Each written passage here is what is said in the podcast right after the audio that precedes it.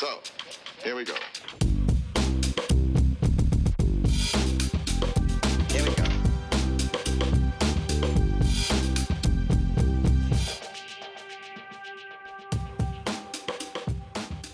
I denne sidste udgave af det kritiske fodboldmagasin på 24-7 bliver vi en smule tilbageskuende for at blive i stand til at kunne se fremad inden for et af de vigtigste temaer i fodbolden, nemlig dens manglende inklusion. Vi skal nemlig genhøre et klip og tale om mandlige homoseksuelle spilleres vilkår i fodbolden, og så skal vi igen forbi spørgsmålet om, hvorfor der er så få kvindelige fodboldtrænere i dansk topfodbold. Velkommen til. Mit navn er Jeppe Højberg Sørensen. Og mit er Lasse Yde Hegnet.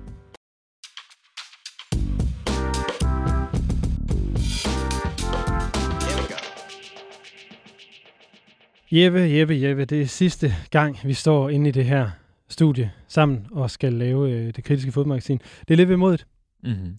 og øh, vi har jo øh, snakket om, at vi gerne vil øh, slutte af på nogle emner, som egentlig er nogle af dem, der egentlig har vi, vist sig at betyde mest for os, når vi har snakket om dem i løbet af, af det her seneste år, ni måneder, der er gået. Vi kan jo ikke komme udenom, at det bliver lidt endnu en best-of udsendelse.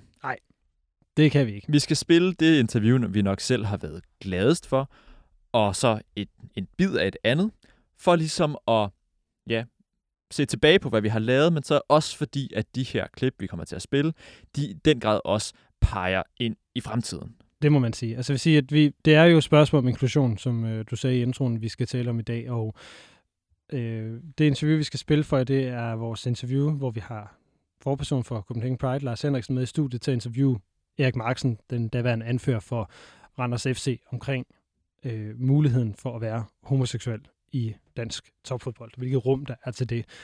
Og når vi tager den med i dag, så er det også fordi, vi to blev klogere eller meget klogere i virkeligheden, af at stå og have Lars Henriksen med inde i studiet og høre og lave det her interview.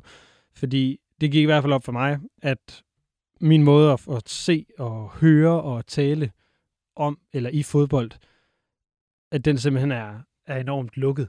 Med til forhistorien er jo, at vi før det her interview, som fandt sted i november sidste år, der havde vi interviewet en lang række spillere fra særligt første division, om hvordan de så på muligheden for, at en, en øh, mandlig homoseksuel spiller kunne være en del af fodbolden, hvor at vedkommende vel at bemærke var offentlig omkring sin, sin seksualitet, i hvert fald bare i omklædningsrummet. Og, og jeg tror, vi havde en, en, en forståelse af hele den samtale, vi havde, og de interviews, som blev ændret efter, at vi havde Lars Henriksen med. Ja, Og jeg tænker egentlig ikke, der er så meget at udenom, at vi skal have Lars Henriksen interviewet på. Øh, hele sektionen af det, det er, lidt, øh, det er 25 minutter langt, så det, øh, det får I lov til at høre her.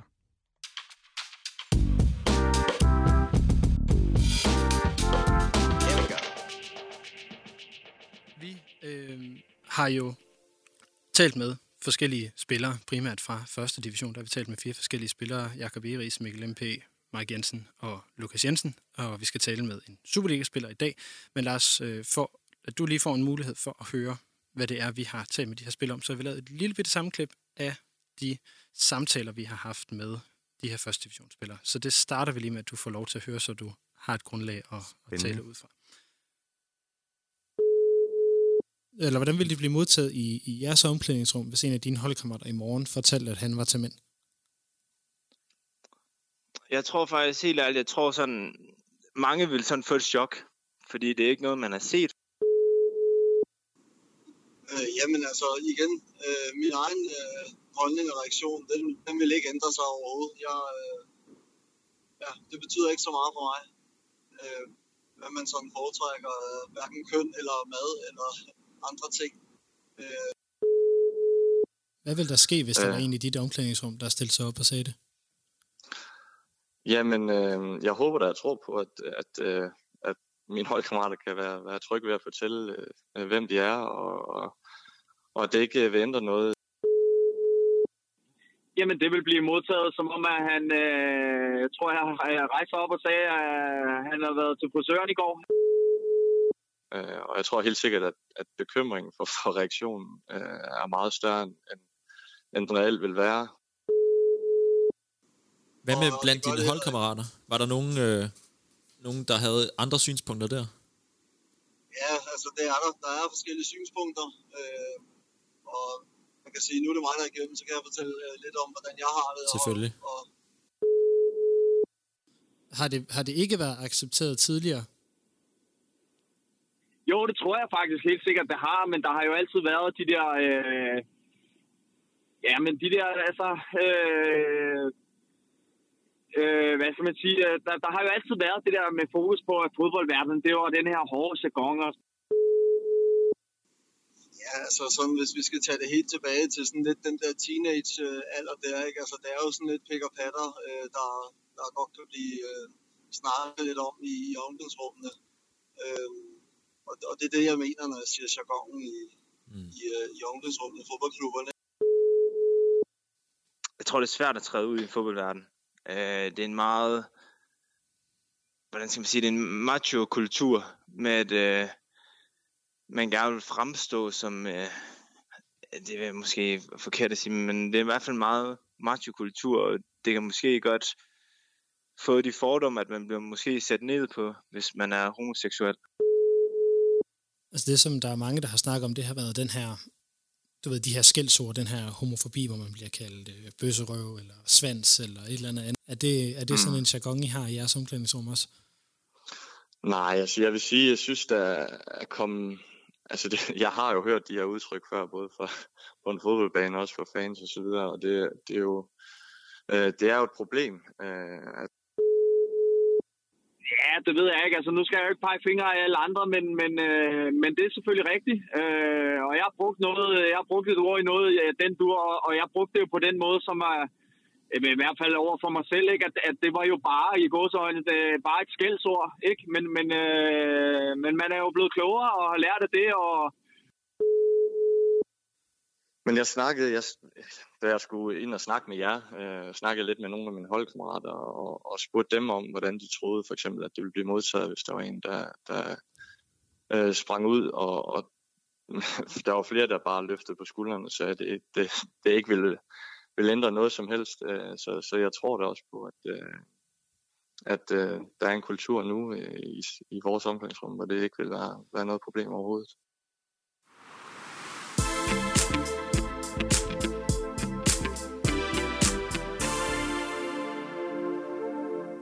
Lars, øh, når du hører de her ting, hvad tænker du så øh, umiddelbart? Så tænker jeg først og fremmest, at jeg sådan set godt kan forstå de spillere, som jeg antager er der, men som ikke er sprunget ud som homoseksuelle, at de gør sig ret store overvejelser om, om der vil være plads til dem, om det vil være et trygt rum. Dig Øh, jeg synes, det? der er mange... Øh, der, der gives udtryk for mange stereotypiseringer af, af homoseksuelle mænd, mange fordomme, også mange sådan forbehold. Øh, og det er sådan et meget typisk forbehold, det der med, at nu taler jeg for mig selv, men jeg ved, at der er andre der, og så videre. Og det betyder jo, at der er en, en holdkultur eller en klubkultur, som der grundlæggende ikke er taget fat om. Øh, og at man ligesom åbenbart i klubberne lidt lader det være op til den enkelte spiller, eller det, øh, både den enkelte homoseksuelle spiller, men også den enkelte spiller i øvrigt, øh, og gøre sig klogere på det her, eller have en holdning til det, og, øh, øh, og, og, og vide, hvor man står. Og det bør jo i virkeligheden være noget, der er indlejret i, i klubbens sådan, hvad kan man kalde det, fællesskabscharter eller et eller andet, at man simpelthen grundlæggende tager fat i, hvordan er det, vi vil skabe fællesskab om fodbold, som det jo er her. Hvordan er det, vi vil danne klub? Hvordan er, det, vi vil inkludere? Hvordan er det, vi vil sørge for, at alle er trygge i at komme i vores klub og deltage i vores aktiviteter osv.?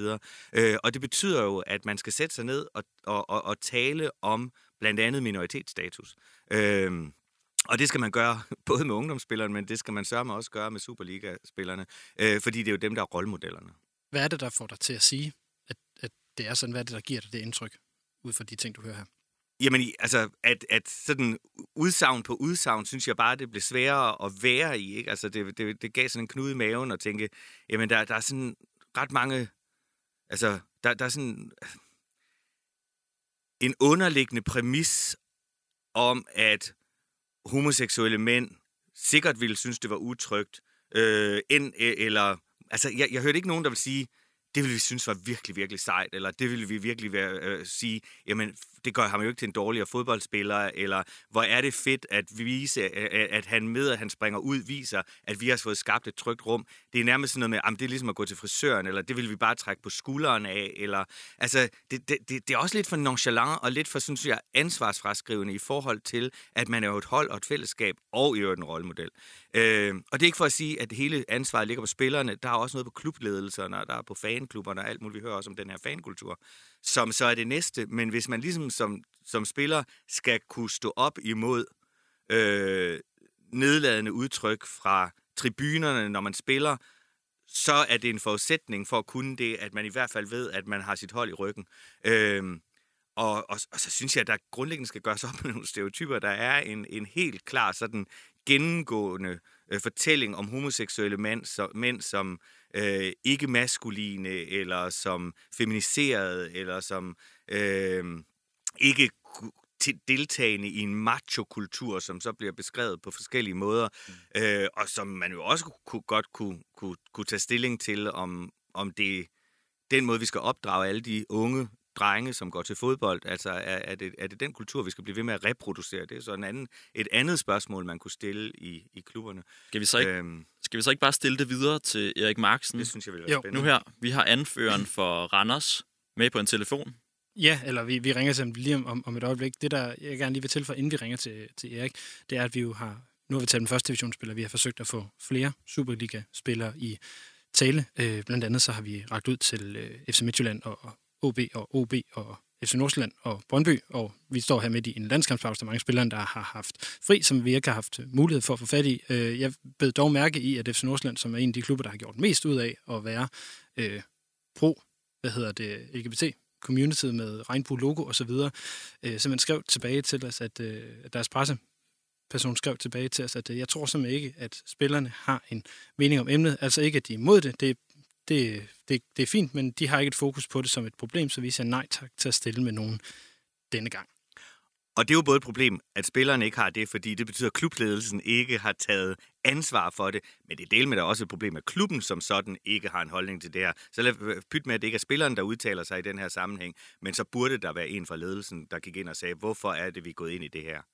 Der vil jeg så lige tilføje, at nu har jeg specifikt spurgt på en spiller, og ikke på, øh, på klubben, bare for at sætte, øh, sætte den øh, på plads. Men lad os prøve at ringe til Erik Marksen, anfører i Randers FC. Velkommen til, Erik. Øhm, tak skal du have. Og tak for, at du vil øh, være med og så øh, tage den her snak om øh, pladsen til at være homoseksuel i, øh, i fodbold. Øh, jeg vil gerne starte med at spørge dig om, øh, hvornår du sidst har hørt et øh, homofobisk øh, tilråb, når du har spillet en fodboldkamp både fra med modspillere og fra tribunerne?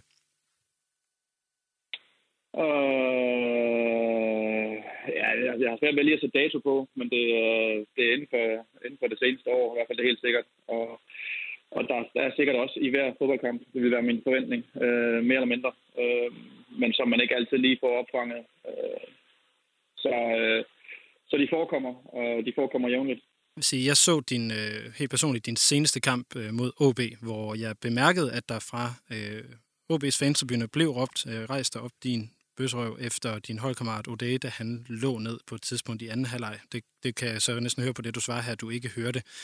Øhm, hvad øh, gør I som spiller eller som klub, når I møder den her slags øh, tilråb? Øhm, vi gør ikke noget. Øhm, øh, må være må være den lidt ærgerlige sandhed. Øh, vi, vi, vi har måske været vant til det i, i mange år, så, så, så mange af de ting, der bliver råbt mod os, praller af, og, øh, og, og jeg må jo erkende, at, at, at om det er homofobiske eller sexistiske, så er det ikke noget, der bliver, bliver taget op. Øh, det, det, det, det er mit indtryk, at det ikke er noget, der, Erik, påvirker de, de, de, de, de ja. Erik, vi har, jo, vi har jo Lars Henriksen, forperson i uh, Copenhagen Pride, med os i studiet. Han har lige hørt nogle klip fra, fra andre uh, spillere, første divisionsspillere, hvor at, ja. at, at Lars han beder os mærke i, det lød ikke som om, der var sådan et, hvad kan man sige, et fælles sprog. Der var mange stereotyper, der blev genskabt i, i, deres, i deres udsagn. Og at de måske ikke på klubniveau ligesom har taget stilling til det, til det her. Er det også det, du siger? Der er ikke rigtig nogen politik i, i jeres klub. Du er jo anfører i Randers. Ja, nej, der er ikke nogen, øh, der er ikke nogen konkret øh, øh, politik. Der øh, jeg tror, der er en stilsigende accept om, at, det, det, at, at vi, det er ikke noget, vi, øh, vi brugerne har sagt, at det, det er ikke, øh, det er ikke velset i, i omklædningsrummet, og sådan indbyrdes. Øh, men det er jo også, øh, jeg tror også, det, det er holdning mange steder, at hvad der bliver råbt fra tribunerne, der, der forsøger man at vende den modsatte kendt til, ikke? Og fordi det, det, det kan være svært at styre. Nu er, nu er racisme måske begyndt at komme lidt på landkortet, hvor, hvor det er noget, man begynder at tage stilling til, og også siger fra overfor, øh, også hvis det kommer fra tribuner. Øh, der øh, tror jeg lige knap, at homofobi er så langt frem, hvis jeg skal være, hvis jeg skal være helt ærlig, og det, det er en skam. Du, du siger, det er en skam, men altså har, hvor går du lidt på klingen på det, har du selv gjort noget for at, at skabe et miljø i jeres omklædningsrum, hvor det kunne være mere trygt for en potentiel homoseksuel spiller at, at være? Nej, det, det, det, der, der skal jeg ikke pusse, pusse nogen glorie. Jeg, jeg har ikke gjort nogen konkrete ting. det, det, det må jeg erkende. Jeg. Hvorfor, jeg oplever hvorfor ikke, jeg oplever ikke problemet som... Ja, det er, øh, det er et godt spørgsmål.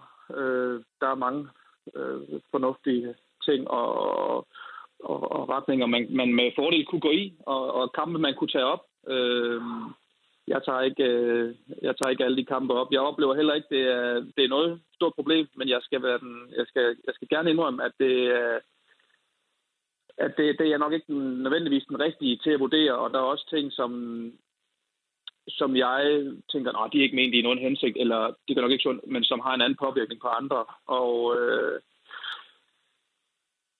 ja. Det, Hvordan vil du egentlig beskrive ja, det, stemningen? Det er, svært, det er også svært at give, det, give en, en god forklaring på, hvorfor man ikke har gjort noget, man, man med fordel kunne gøre. Ikke? Altså, så det er jo det er, det, det er svært at give et godt svar på. Helt sikkert. Hvad sagde du en gang til? Jeg tror, at Lars kommer med en kommentar nu eller et spørgsmål. Ja, goddag, Erik. Ja. Øh, Goddag.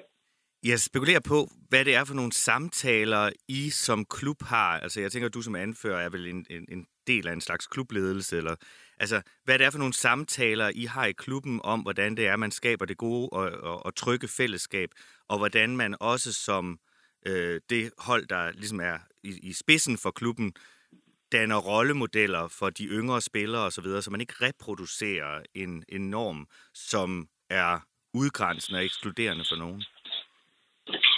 Ja. Øh, jamen, det, det er jo ikke noget, vi øh, sådan har, altså, har, har, har møder om. Det må, jeg, det må jeg også bare blankt erkende. Øh, vi snakker om, hvordan vi får integreret nye øh, spillere eller unge spillere i gruppen, men det er, det er, det er ikke i særdeleshed i forhold til øh, homofobi. Øh, jeg tror, der er jeg tror ikke, folk opser, øh, oplever det som et problem i klubben, hvis jeg skal være helt ærlig. Og det, øh, Sådan og som det, jeg... og det, det, jo, det virker jo åndssvagt, når... Ja, hvad siger du? Jamen, sådan som jeg forstår det, så er der jo flere hundredtusind unge, der spiller fodbold i Danmark, og det vil sige, at der er potentielt 10.000 af unge homoseksuelle, der spiller øh, fodbold. Og man har altså åbenbart ikke fået formået at skabe et rum, der er så trygt, så man som ung homoseksuel spiller, eller i øvrigt ældre, kan være åben om sig selv, fordi der er ikke nogen. Øh, og potentielt kunne det jo betyde, at de her 10.000 af spillere forlader sporten, øh, og at man dermed ikke rekrutterer dem. Øh, altså, kunne man gå den vej ind og så sige, at her, vi har faktisk et, et tab af måske potentielt talent? Ja, jamen jeg, jeg, jeg er fuldstændig enig. Altså, så, øh, altså, det sker jo til himlen, at der ikke er nogen, meget bekendt, i hvert fald ikke uh, officielt nogen, nogen uh, fodboldspillere i Danmark, som er, er, er homoseksuelle, i hvert fald ikke lige på, på i Superligaen. Øhm, fordi det, altså, det er jo klart, så er de jo enten, enten er de ikke stået frem, eller også er de blevet sorteret fra tidligere i forløbet. Så der er jo et åbenlyst spil på 10 procent, som man kunne komme til livs. Øhm, og det er... Ja, det er, igen er det svært for mig at, at, at give en, en god årsag til, hvorfor man ikke har taget hul på den problemstilling, hvorfor man ikke gør noget mere.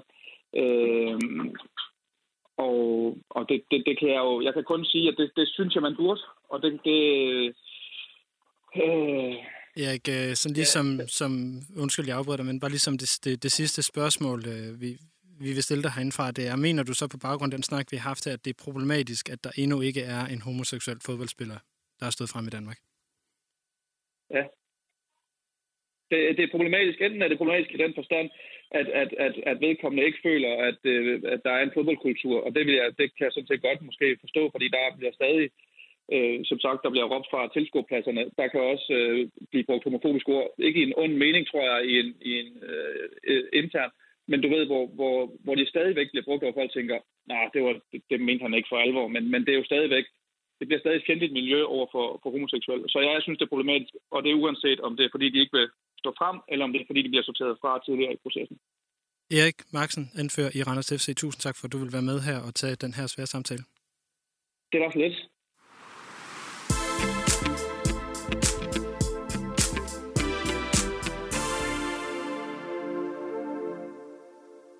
Lars Henriksen, forperson i Copenhagen Pride. Nu har du fået et lille indblik i den fodboldverden, du har fortalt mig, at du jo sådan set ikke beskæftiger dig særlig meget med. Mm. Igen, er du overrasket over, at der ikke er nogen spillere, der er sprunget ud i, i den her verden? Nej, det er jeg ikke, øh, og det er jeg ikke, fordi jeg har, jeg har læst adskillige rapporter om øh, homofobi og transfobi i fodbold og så videre, som har beskrevet de her problematikker, øh, både på dansk og internationalt plan. Øh, og, øh, og det virker på mig som om, at der er nogle, nogle sportsgrene, hvor fodbold er en af dem, hvor det her problem er særligt øh, stort, og jeg har også igennem min tid i LGBT plus-bevægelsen oplevet, at det var ikke noget, som blandt andet DBU, øh, hvis vi bare går 10 år tilbage, overhovedet havde nogen interesse i at tage alvorligt. Det blev afvist med, at der var jo ikke nogen, og derfor var det ikke noget problem. Eller nu har jeg spillet fodbold i 40 år, jeg har ikke lige mødt nogen bøsser, så det er jo ikke noget problem jeg synes, jeg, jeg synes, der er blevet en åbenhed for at tale om det de senere år, og det kan man sige, at udsendelsen her er jo også et udtryk for. Men jeg synes stadigvæk, der mangler en, en, en, sådan en seriøs tilgang til det her, hvor man rent faktisk gør op med det, ligesom man har gjort med fairplay-kultur eller racisme osv. Hvad vil være seriøst som tiltag i, i dine øjne så? Jamen, at man får skabt et program, som man kan øh, rulle ud på tværs af, og nu siger jeg DBU's klubber, men fodbold i det hele taget. Så, fordi jeg tror også, noget af det handler om, at man måske ikke ude i klubberne helt nødvendigvis ved, hvordan man griber det her an. Øhm, og øh, at, at man får skabt og et, et program, man ligesom kan tabe ind i og sige, vi har brug for hjælp til det her, øh, og hvordan går vi i gang. Øh, jeg synes også, at det handler om sådan helt grundlæggende, at man som klub siger, at vi er jo et, vi er jo et fællesskab, som vi, der er i det, får en, får en enorm masse ud af at være med i. Øh, glæde og succesoplevelser og venner og alt muligt andet. Det synes vi jo også andre skal være en del af, og hvordan er det, at vi skaber den inkluderende kultur, som gør, at alle kan være med. Øh, og så tror jeg faktisk, og det var der en dansk undersøgelse, der viste for et par år siden, at man bliver nødt til at, at, at måske tage spadestikket dybere end, end homotransfobi og sige, hvad er det, der ligger bagved? Og, øh, og der kom en lille undersøgelse, som nogle antropologistuderende lavede for, for Institut for Menneskerettigheder for en, tre år siden, som faktisk viste, at helt bagvedliggende alt det her, der var der sådan en grundlæggende misogyni. Altså en, en scene ned på alt, hvad der var forbundet med at være kvindeligt eller feminint. Øh, og det reproducerer jo de her stereotyper, som vi også hørte i klippet før med, at jamen, der er en macho-kultur, og derfor kan homoseksuelle mænd ikke være med. Dermed sagt, at homoseksuelle mænd er ja. ikke macho. Hvad er det, du tænker, når du, når du siger det der med, at... Fordi vi har måske mere, når vi har hørt det, tænkt, okay, han ved godt, at der er en kultur, som ikke kan være så sund for alle, men er der også noget stereotypt i at sige, der er en macho-kultur, og derfor udelukker vi nogen? Ja, det er der jo, fordi der, kan man sige, dermed, deri ligger en, en, øh, forståelsesramme, der hedder, at homoseksuelle mænd kan ikke være, være en del af en machokultur, mm. eller det at være homoseksuel er ikke macho, øh, eller det her med pik og patter, øh, altså, som der også blev nævnt, altså at der er sådan nogle ting, hvor man sådan i udgangspunktet siger, jamen, øh, det er kulturen her, og det er der nogen, der i kraft af den fordom, jeg har fra dem, for, over for dem, ikke kan være en del af. Så kan man gå to veje, så kan man enten sige, nu må vi få homoseksuelle mænd til at interessere sig for pik og det, det ved jeg ikke, om det bliver så nemt. Øh, eller man kan sige, måske er det her ikke en sund kultur for nogen, og at, øh, at det, man, man kunne måske også spørge sig selv, er det det, vi har lyst til at opdrage vores, vores øh, drenge og unge mænd til? Altså, er det en kultur, vi ønsker at reproducere stadigvæk? Se, lad os et, et andet spørgsmål, som, som de slår mig, når vi, når vi taler lige om det her med, med, med pik og patter og den her kultur. Altså, vi har jo set i årvis, at øh, det danske landshold, som jo spiller her i, øh, i weekenden, at de har haft et øh, kampråb, hvor man synger store patter efter hvad hedder det, en sejrssang eller, eller lignende. Vil det være et sted, hvor, hvor, hvor du... Det synes jeg, der var et oplagt sted at starte, så sige, så lad os do away with that. Altså, fordi landsholdet er da de fremmeste rollemodeller, vi overhovedet har inden for fodbolden. Jeg vil gerne lige tilføje, jeg ved ikke, om de stadigvæk synger det, det men jeg synes, der har været rigtig meget omkring det på et tidspunkt i hvert fald, at de ja. fyldte. Øhm, og, og, og, og jeg mener, vores samfund udvikler sig jo hele tiden, og det er jo ikke sådan, at vi ikke har fællesskaber, fordi vi ikke er nedladende over for hinanden. Det er ikke sådan, at vi ikke kan gå på arbejde uden at være sexistiske, og så videre. Øh, så, så når vi går op med de der kulturer, så bryder verden jo ikke sammen. Tværtimod, så bliver verden et tryggere sted for os alle sammen at være i. Mænd, kvinder, homoseksuelle, transmennesker osv. Altså, vi skaber et mere inkluderende fællesskab. Øhm, vi, vi har jo talt med de her spillere om omklædningsrummet, som en eller anden sådan, som et rum, ikke? Jeg går ud fra, at I har ret sådan stor erfaring med at se på, hvordan man skaber trygge rum.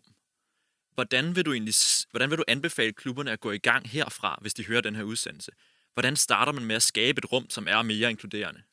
Jamen, allerførst at sætte sig ned og prøve at gennem samtale, tror jeg, bevidst gøre folk om, hvad det er for, nogle, for en kultur, og hvad det er for nogle praksis, som kan være udgrænsende eller utryg for nogen.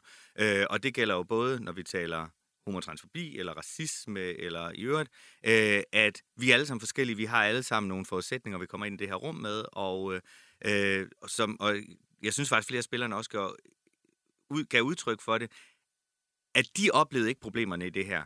Men det er jo det, normer er. Det er, når man passer ind i noget, så opdager man ikke normerne, men når man ikke passer ind i dem, så støder man sig på dem hele tiden. Øhm, så i, i det hele taget en forståelse af, hvad det er for nogle normer, vi har, og, hvad, om, og, og hvem de er begrænsende for. Der er jo også... Der er jo det her med, er det problemet, at der en gang imellem er en, der rejser sig på et stadion og råber bøsse, eller hvad det nu er, eller der er en spiller, som til træning siger noget? Ja, fordi eller... det, hver eneste gang er det et forsøg på at begrænse nogle andre mennesker i deres fri livsudfoldelse. Men er der, er der sådan egentlig et dyberliggende problem, som ikke handler så meget om lige at, jeg kan man sige, scapegoate en person på en tribune? Eller vil du sige, at det er en del af en generel kultur, hvis du forstår spørgsmålet? Jamen, jeg synes, det er, en, det er en del af en generel kultur, og det er en del af en generel kultur, der er i vores samfund, og ikke kun i fodbolden. Det er måske bare i det her mikrokosmos, som fodbolden er særligt forstærket øh, eller synligt, men øh, alle homoseksuelle, jeg kender, har på et eller andet tidspunkt været udsat for, at, at deres seksualitet er brugt som en, en, en nedladende kommentar om dem, eller en måde at sætte dem på plads på, eller en, en, en måde at udelukke dem fra fællesskabet på. Det sidste spørgsmål, som øh, vi gerne vil stille dig, Lars, det øh, er, øh, hvad vil det betyde for jeres community, hvis der var en dansk homoseksuel fodboldspiller, der, der stod frem? Øh, I hvert fald for den del af vores community, som spiller fodbold, tror jeg, det vil betyde rigtig meget. Og, og, og jeg tror for, for unge spillere, som går med overvejelser om deres seksualitet eller kønsidentitet, vil det også betyde rigtig meget. Jeg tror faktisk, at det generelt, det at komme frem, øh, eller, eller stå frem, også vil være med til at sætte en dialog i gang, altså en bredere samtale. Øh, vedkommende vil måske kunne, fordi vedkommende er mere kendt end, end de fleste, øh, ved at dele sine erfaringer med at vokse op i et fodbold Danmark, også måske sætte fingeren på nogle af de her problematiske ting, øh, som har gjort, at det har taget vedkommende så lang tid at komme dertil, hvor man tør at springe ud. Og, og noget af det, man ser, nu slår jeg lige op, at siden 1990 er der kun 14 fodboldspillere, der er sprunget ud på verdensplan, som spillede på sådan et, et, et, et rimeligt niveau. Øh, og langt de fleste af dem har gjort det, når de holdt op med at spille fodbold, eller er holdt op med at spille fodbold som konsekvens af det. Så altså, der er også den her, kan man sige, hvis jeg siger det her, så, så, så opgiver jeg min karriere, og det kan jeg da godt forstå, hvis man i øvrigt er glad for at spille fodbold, eller man ikke har lyst til, eller det i øvrigt er ens udkomme, eller noget andet. Bestemt. Lars Henriksen, forperson i Copenhagen Pride. Tusind tak for, at du ville være med her. Velkommen.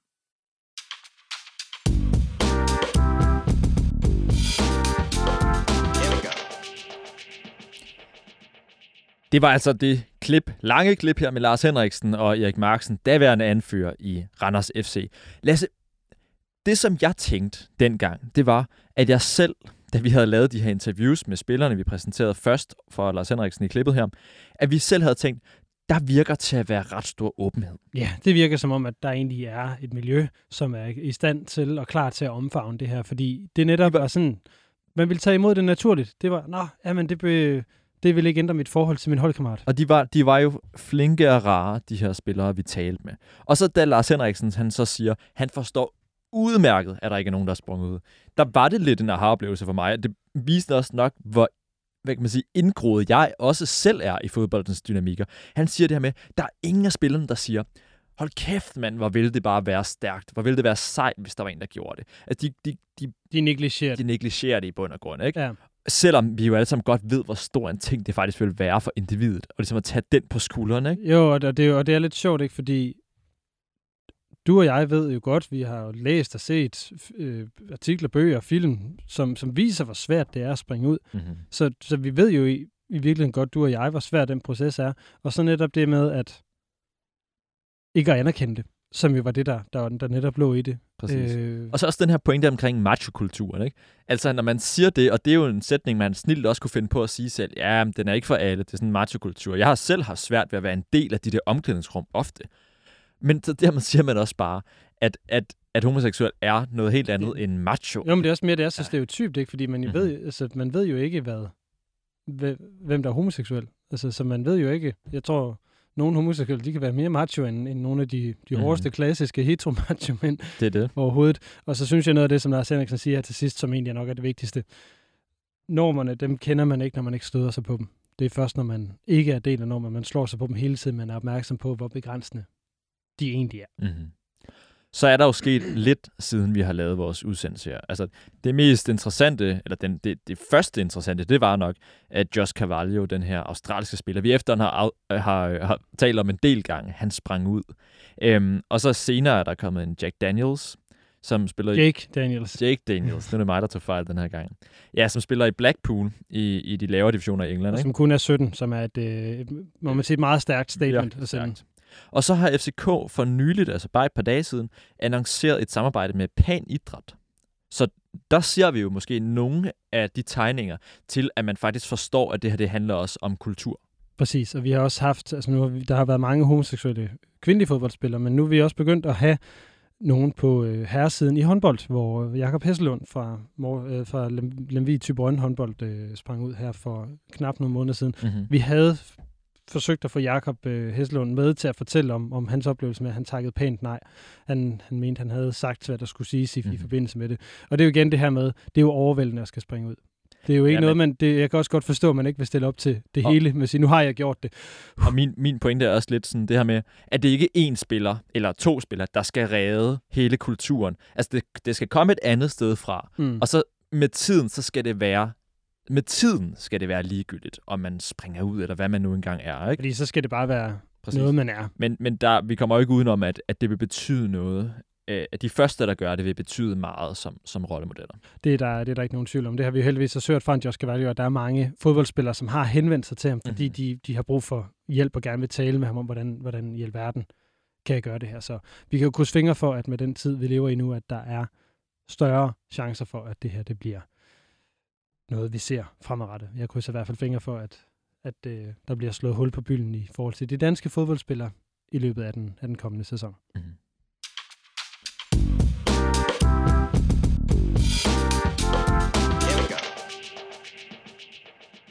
Vi skal over til et andet punkt inden for vores øh, vil sige, inklusionsdebat. Vi havde nemlig et, øh, en udsendelse her i foråret, som handlede om, der var plads til kvinder, og synet på kvinder i fodbolden. Sådan helt mere, det, det sted at tale vi om, hvorvidt fodbolden egentlig var misogyn Mhm. mm-hmm. i det hele taget.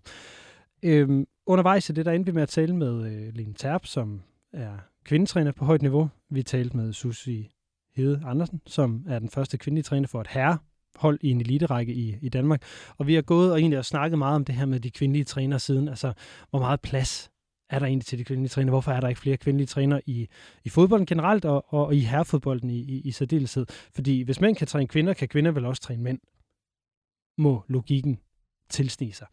Øh, og øh, ja, det har vi også forsøgt at få unders- øh, eller forsøgt at, at dykke lidt ned i. Vi har lavet lidt, lidt rundringer til nogle klubber for at høre, om de kunne finde på at ansætte kvindelige træner. Vi har talt med Lene Terp dengang, og så fandt vi faktisk ud af, at der var, øh, hvad kan jeg sige, udover de to eller tre kvinder i Danmark, der lige pt. har en P-licens, altså den højeste trænerlicens, så er der to mere på vej gennem P-licenssystemet nu. Det kan vi sige, at antallet af kvindelige træner med P-licens bliver fordoblet, Mhm. og at vi måske kommer op på, at hele 2 eller 3 procent af trænerne i Danmark har en p-licens. Ja.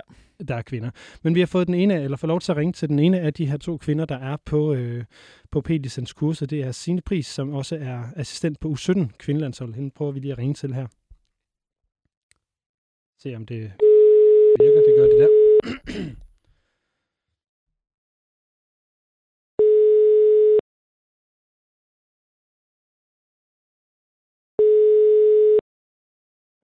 Det er Signe. Hej Signe, det er Lasse fra 24 Goddag. Hej Signe. Jeg står herinde i studiet sammen med min, øh, min øh, hvad hedder det, medvært øh, Jeppe. Jeg vil lige sige hej også. Hej Signe. Goddag. Og øh, Signe, vi, øh, så, som øh, jeg fortalte dig, da vi talte sammen inden udsendelsen, så lavede vi en rundringning her for nogle måneder siden til nogle af de danske anden- og tredje divisionsklubber for at høre, om de kunne være interesseret i, eller kunne forestille sig at ansætte en, øh, en, en, en kvindelig træner. Så inden jeg lige sætter den på og spiller den for dig, så vil jeg, vil jeg lige spørge dig, kunne du have lyst til at være træner for et herhold på et tidspunkt? Ja, det kunne jeg godt. Det kunne jeg godt have lyst til. Godt. Jamen, så vil jeg gerne lige spille den her rundringning for dig, så lad os prøve at, at, at tale om den øh, bagefter. Yes.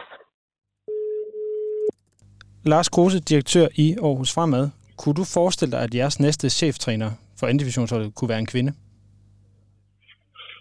Åh, det er et øh, stort spørgsmål. Øhm, det er ikke, øh, jamen ærligt sagt, så det er ikke lige noget, jeg har sådan egentlig overvejet. Øhm, men vi ser jo vel i andre sportsgrene, at øh, også i fodbold, at øh, det virker modsat med mandlige cheftræner i, i kvindefodbold. Så, øh, så jeg vil sige, øh, den rette kandidat, så skal man jo nok øh, ikke øh, kigge øh, på køn, men på kompetencer i stedet for. Er der en kvindelig træner derude, du kunne forestille dig at ansætte? Øh, der må jeg være ærlig sige, jeg kender ikke lige umiddelbart til nogen træner okay. på det her niveau. Patrick øh, Birk øh, Braune, sportsleder og cheftræner for AB's anden divisionshold. Kunne du forestille dig, at din efterfølger kunne være en kvinde? Ja, det tror jeg også. Øh, det kunne være forfriskende, hvis det på et tidspunkt sker. Ja, har du? Så jeg håber, det sker på et tidspunkt. Jeg ved ikke lige, hvem det skulle være lige nu, men jeg er blandt andet lige startet på P-uddannelsen, og der er i hvert fald to rigtig, rigtig dygtige kursister med, som, øh, som jeg går op og ned af der, og der har jeg kun et godt indtryk af. Ja, hvad, hvad, hedder de? Det er Sine og Anja. Og Og det, dem kunne du godt øh, se på at være potentielle cheftræner i en dansk anden divisionsklub? jeg kunne ikke se, hvorfor de ikke skulle. De virker rigtig, rigtig dygtige, det er det indtryk, jeg har fået. Peter Olsen, sportsdirektør i BK Frem. Kunne du forestille dig, at, jer- at jeres næste cheftræner for øh, 3. divisionsholdet kunne være en kvinde?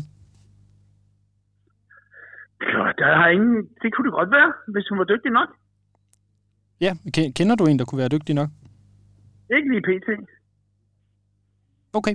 Øh, Men jeg har heller ikke undersøgt markedet, vil jeg lige sige, da vi har en udmærket træner. Så det er egentlig årsagen til det. Altså, hvis vi skal have en ny træner, så vil vi jo tage et ansøgerfelt ind, og der er man ikke, ud, der er man ikke udelukket på grund af køn. Jens Lolk, sportschef i Delum IF. Kunne du forestille dig, at jeres næste cheftræner skulle være en kvinde? Det tror jeg ikke umiddelbart. Ikke fordi jeg har noget overhovedet imod øh, kvinder i forhold til det. Men det er svært i forhold til, når man kører øh, vores trup og, og have ind omkring det. det, det. Jeg tror ikke, det er hele rustet endnu til, at kvinder går ind omkring øh, herrefodbold. Hvor, hvorfor tænker du ikke det? Jamen, det kan jo godt være, at jeg tager forkert, men øh, ja, det, er bare min overbevisning lige nu. Der, der er det måske tidligt nok. Jeg tror godt på den lange bane, at der kan være kvinder, der er, er rustet til det. Men øh, lige nu har vi i hvert fald ikke øh, fokus på det. Holger Christiansen, direktør i Young Boys FD. Øh, kunne du forestille dig, at jeres næste træner skulle være en kvinde? Øh, ja, ja, ja det, det kunne jeg som godt. Altså, hvis der havde været... Øh, altså, hvis der var, var nok at tage af, kan man sige, i, øh, i, øh, i, den, i de rækker, hvor vi, vi leder efter vores træner, så kunne man som godt, tænker jeg. Men du, men, men du mener ikke, der er en, øh, en passende kandidat til jeres? Nej, altså, det, nej, det er jo meget det. Altså, øh, den måde, som vores klub er skruet sammen på, er jo, at vi vil meget gerne udvikle de unge drenge, og vi tager jo dem, øh, vi tager dem fra øh, U19-liga-klubberne. Øh, så havde der været en, en, en kvindelig U19-liga-træner, øh, så tænker jeg da, altså, det kan jeg ikke se nogen, nogen problemer i. Øh, men det er klart, at det er jo nok det problem, der er, at, at der er for få, som ligesom har øh, har arbejdet med de her unge spillere, i hvert fald til vores øh, system, som, som, øh, som er piger eller kvinder. Signe, nu blev du heldigvis selv nævnt øh, undervejs af, af hvad hedder det, øh, ude fra AB. Øh, hvad, hvad tænker du, når du hører de her udsagn? Jamen, øh, jeg synes jo, de udsagn, det virker meget øh, naturligt, og øh, på sin vis øh, er det jo nok bare sådan, at, at virkeligheden er lige nu, at, øh, at de to øh, verdener er, er ret parallelle, altså kvindefodbold og herrefodbold.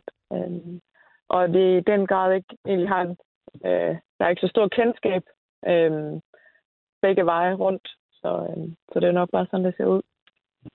Hvad tror du, der sådan skal, skal, skal til, at, for, for at, at, øh, at du kunne komme ind eksempelvis og, og blive en del af, af herrefodbolden? Øh, jamen, det handler jo om at, at, øh, at skabe sig en, en karriere og et navn, ligesom det gør for, øh, for andre øh, mandlige trænere.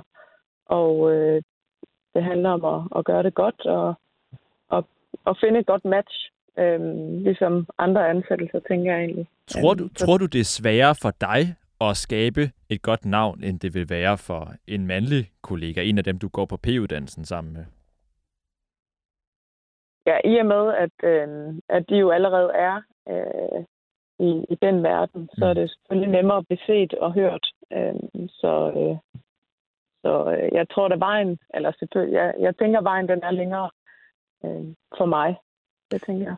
Når, nu er du assistent på 17-landsholdet for, for kvinder. Øh, jeg er lidt nysgerrig på, hvordan bliver du sådan mødt i miljøet, når du når I er ude til kampe og, eller er til møder eller, eller lignende, at, at du er der som, som, som kvindelig træner? Bliver du talt til eller mødt på en anden måde, end, end du oplever dine mandlige kolleger?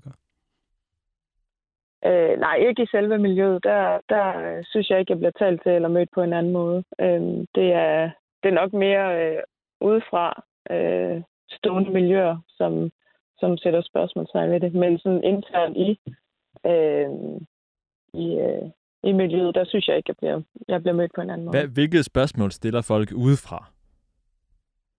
Jamen, det kan jo... Det er ofte mere... Øh, øh, mere sociale spørgsmål, end det er sportslige spørgsmål. Altså sådan noget som, øh, altså, hvorfor jeg vælger at prioritere at bruge så mange timer på fodbold, som jeg gør, og øh, ja, i forhold til at måske være mere sammen med familien. Jeg har ikke mange rejsedage i løbet af et år, og så videre. Øh, hvor at jeg ville da ønske, at, at det var mere rettet på det sportslige, kan man sige.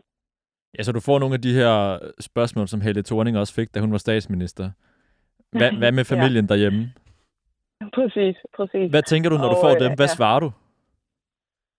Jamen i starten tænkte jeg ikke så meget over det. Altså der, der svarede jeg jo, at jamen, det her det er min store passion, og jeg mm. elsker det. Og når jeg endelig er afsted, så er jeg bare dybt involveret i det. Og øhm, ligesom jeg er, når jeg er hjemme, så er jeg også dybt involveret i det. Og øhm, jamen, altså, jo flere gange jeg blev spurgt om det, jo mere øh, undren fik jeg egentlig omkring det, og jo, jo tydeligere billede tegn, tegnede der sig jo egentlig. Og øhm, så fik jeg spurgt en af mine mandlige kollegaer om, om men får du også de her spørgsmål hele mhm. tiden? Mm-hmm. Og det, det gjorde han jo så ikke. Øhm, så, så der er tegn, der sig et billede der, kan man sige.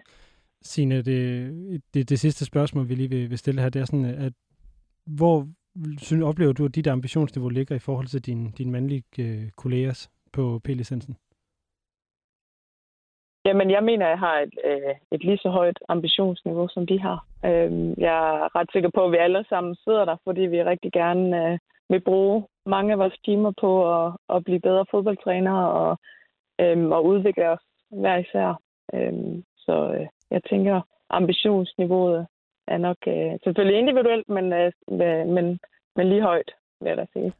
Er der, noget, er der noget, der ligger lige til, som man faktisk kan gøre, hvis man sidder og er formand i en klub? Altså er der noget, som ikke er et stor kulturel forandring, men en meget simpel ting? Øh, ja, det, jeg tænker det, det kan være at, at prikke øh, lige så mange pige-kvindespillere på skuldrene i forhold ja. til at, at hjælpe øh, yngre spillere øh, i træninger. Mm. Øhm, ja, det, det tænker jeg kunne være ret simpelt. Så, så kvinder faktisk får ideen, eller øh, pigespillere faktisk får ideen om, de kunne også blive trænere? Ja, præcis. Mm-hmm. Så vi er med til at skabe den øh, accept og den værdi øh, i de pige kvinder, som, er, eller, som allerede er ude i klubberne. Signe Pris, øh, hvad hedder det, P-licensstuderende og øh, hvad hedder det, øh, U17 assistenttræner på, på landsholdet. Tusind tak for, at du vil være med her. Det var så let.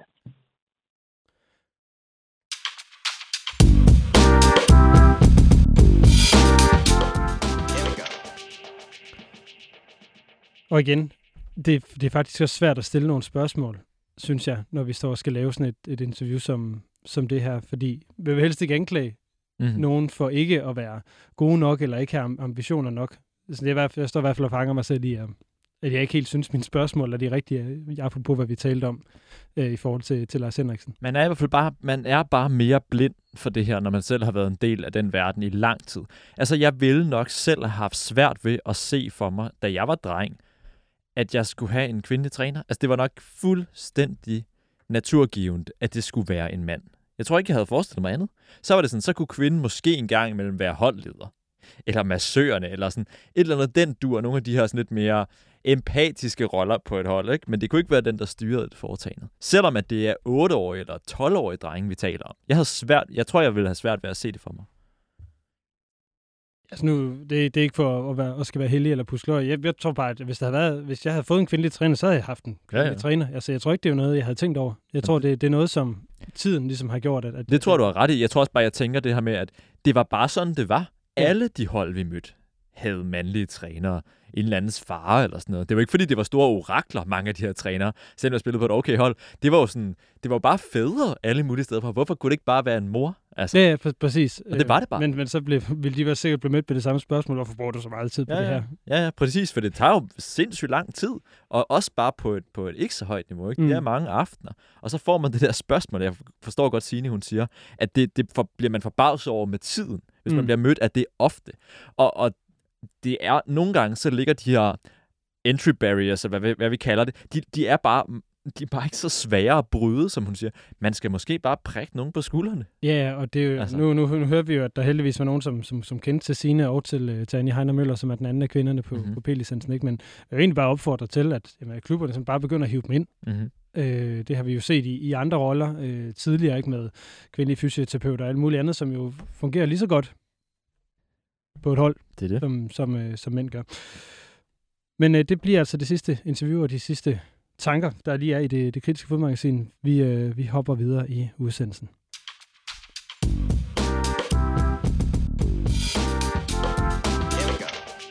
Uret tigger nemlig ned, og Jeppe, vi har 6 minutter tilbage. Ja. Hvordan synes du, det er gået de sidste ni måneder? ja, det er der nok nogle andre end os, der, der er bedre til at vurdere på en eller anden måde, ikke? Altså især lytterne, tror jeg. Altså jeg synes, det... jeg håber sgu ikke, det er nogen andre end lytterne, der skal vurdere det, hvis jeg skal Ja, der er vel nogle redaktører og sådan noget. Nå, Øh, ja. Jeg synes jo, det er gået godt. Altså, jeg synes, vi har, vi har haft en mission om at skulle interviewe en helvedes masse magthavere, folk med interesser i fodbolden. Altså tale med fodboldens beslutningstager, og ikke, Præcis. og ikke kun tale om den. Og det har vi især gjort i de første mange, mange afsnit, altså første 35 udsendelser. Så har vi bagefter gået lidt mere i, øh, i kommentatormode, også i forbindelse med, at, at, at Superligaen og, og så videre ligesom lukkede ned, ikke? så folk har været på ferie. Øhm, men, men jeg synes, at det har været virkelig spændende og udfordrende. Jeg synes, jeg har været, jeg har været rigtig positiv over, hvor glade, glade folk er for at stille op langt de fleste har været villige til at stille op. Også selvom at vi ikke har haft et eller andet stort øh, anlagt projekt. Altså det er ikke sådan, man har ikke nødvendigvis vidst, hvem vi var, og vi er på en relativt uagtet radiokanal osv. Folk har simpelthen stillet op. Om det så er sportsdirektører, direktører, øh, folk fra divisionsforening osv. Ja. Vi havde også en ambition om, at vi gerne ville øh, prøve at tage fat i nogle temaer, som vi ikke synes, der var nok af øh, derude i forvejen. Nu har vi blandt andet gjort det her i dag, hvor vi har talt rigtig meget om inklusion. Vi har gjort det i forhold til øh, kig på journalistikken selv. Det er jo selvfølgelig et meget klassisk mediegreb at, at, at kigge på, på, på de andre medier. Og så har vi jo også øh, altså forsøgt at gøre nogle, nogle lidt, lidt skæve, både nogle meget store ting og nogle meget små ting. Mm-hmm. Øhm, Ja, der var også nogle rundringninger på Nørrebro og sådan noget der. Ja, det var det. Jeg tror, vi en af de bedste rundinger, vi, vi havde, var den der, hvor vi skulle høre til stadionudvidelser rundt i, omkring i Københavns Ja, Kommune. ja. Jeg tror, det var den, du, du tænkte på. Præcis. Men netop, at, at, at der ikke er en sag, der har været for lille eller for stor, heller ikke om altså, gå fra at tale Champions League kommende format til at tale om, der var træningstimer nok til børn på Bornholm. Mm-hmm. Altså, vi har spændt bredt, og det har Præcis. været en spændende Og jeg tror også, vi har også været fanget i det samme, øh, i det samme skæld mellem fascination og så den her klassiske kritiske sportsjournalistik, som vi talte om i sidste uges program. Altså det, er også, det har også været en udfordring for os. Altså fordi man vil, man vil simpelthen ikke lytte til et program, der udelukkende er negativt. altså det, fordi det, det er jo i hvert fald en version af det kritiske, ikke? Den, det er jo ikke hele hele det at være, være kritisk journalistik bare være negativ. Men der, der vil jo være mange historier, som i hvert fald sætter problemer under lup. Og, hvis, og det, det er bare ikke derfor, at man interesserer sig for fodbold, for at få øje på, på alt, det, for, at, alt det, der er galt. Fordi så vil man hellere kigge et andet sted hen. Mm. Så jeg tror også, der er vi også, det har vi nok også fået med os. Altså, der skal, der skal virkelig være en fin balance. Ikke? Begejstring skal være der. Mm-hmm, præcis. og det, som der jo også er sjovt, når vi taler om det, er, hvor lidt vi har talt om spillet. Mm-hmm. Vi har nok, tror nærmest ikke, vi næsten ikke har talt formationer, øh, afleveringer, ex- expected goals har vi aldrig talt om. Ej, Gud, Gud forbyde også. at vi Ja, det. heldigvis, men, men, men, men det er bare, synes jeg, imponerende, hvor meget af det, som fodbold handler om, som overhovedet ikke Mm. handler om spillet. Mm. Altså, vi kunne jo snilt have snakket også mere om spillet, ikke? Men jeg synes, det er, det er en god pointe, ikke? Altså, at, at, at rundt om det, der sker på banen, er der bare så voldsom en kultur, også selvom det bare er i Danmark. At der faktisk er, der er masser af indhold til at lave nu. Vi har snart 40 udsendelser, ikke? Øh, for, for relativt, relativt beskedende penge, som, som vi får her og sådan noget. Altså, der, det er bare nemt at få øje på virkelig spændende tematikker. Også selvom man ikke har 37 timer om ugen til at gøre det, og så videre. Altså, det er, det er sgu imponerende, altså.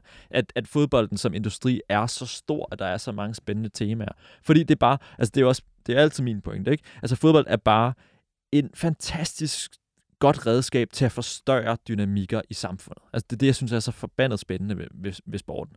Øhm, og, og det har vi i høj grad gjort i mange af de her, de her udsendelser, ikke?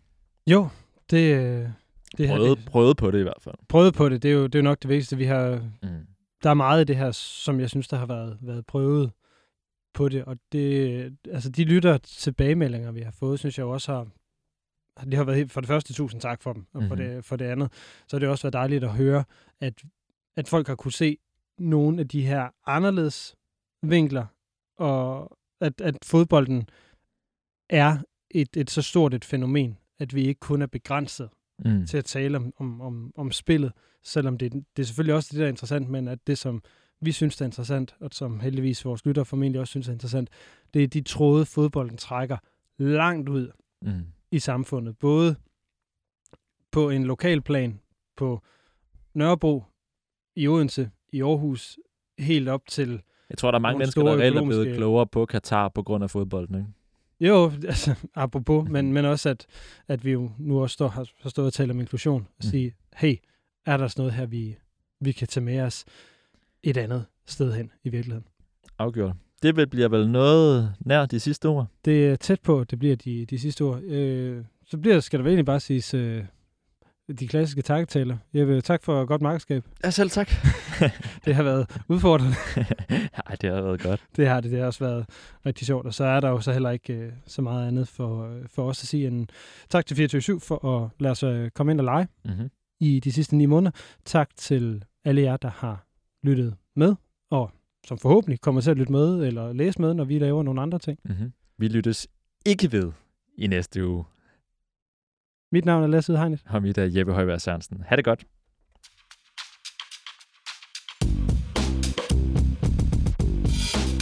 Just stop.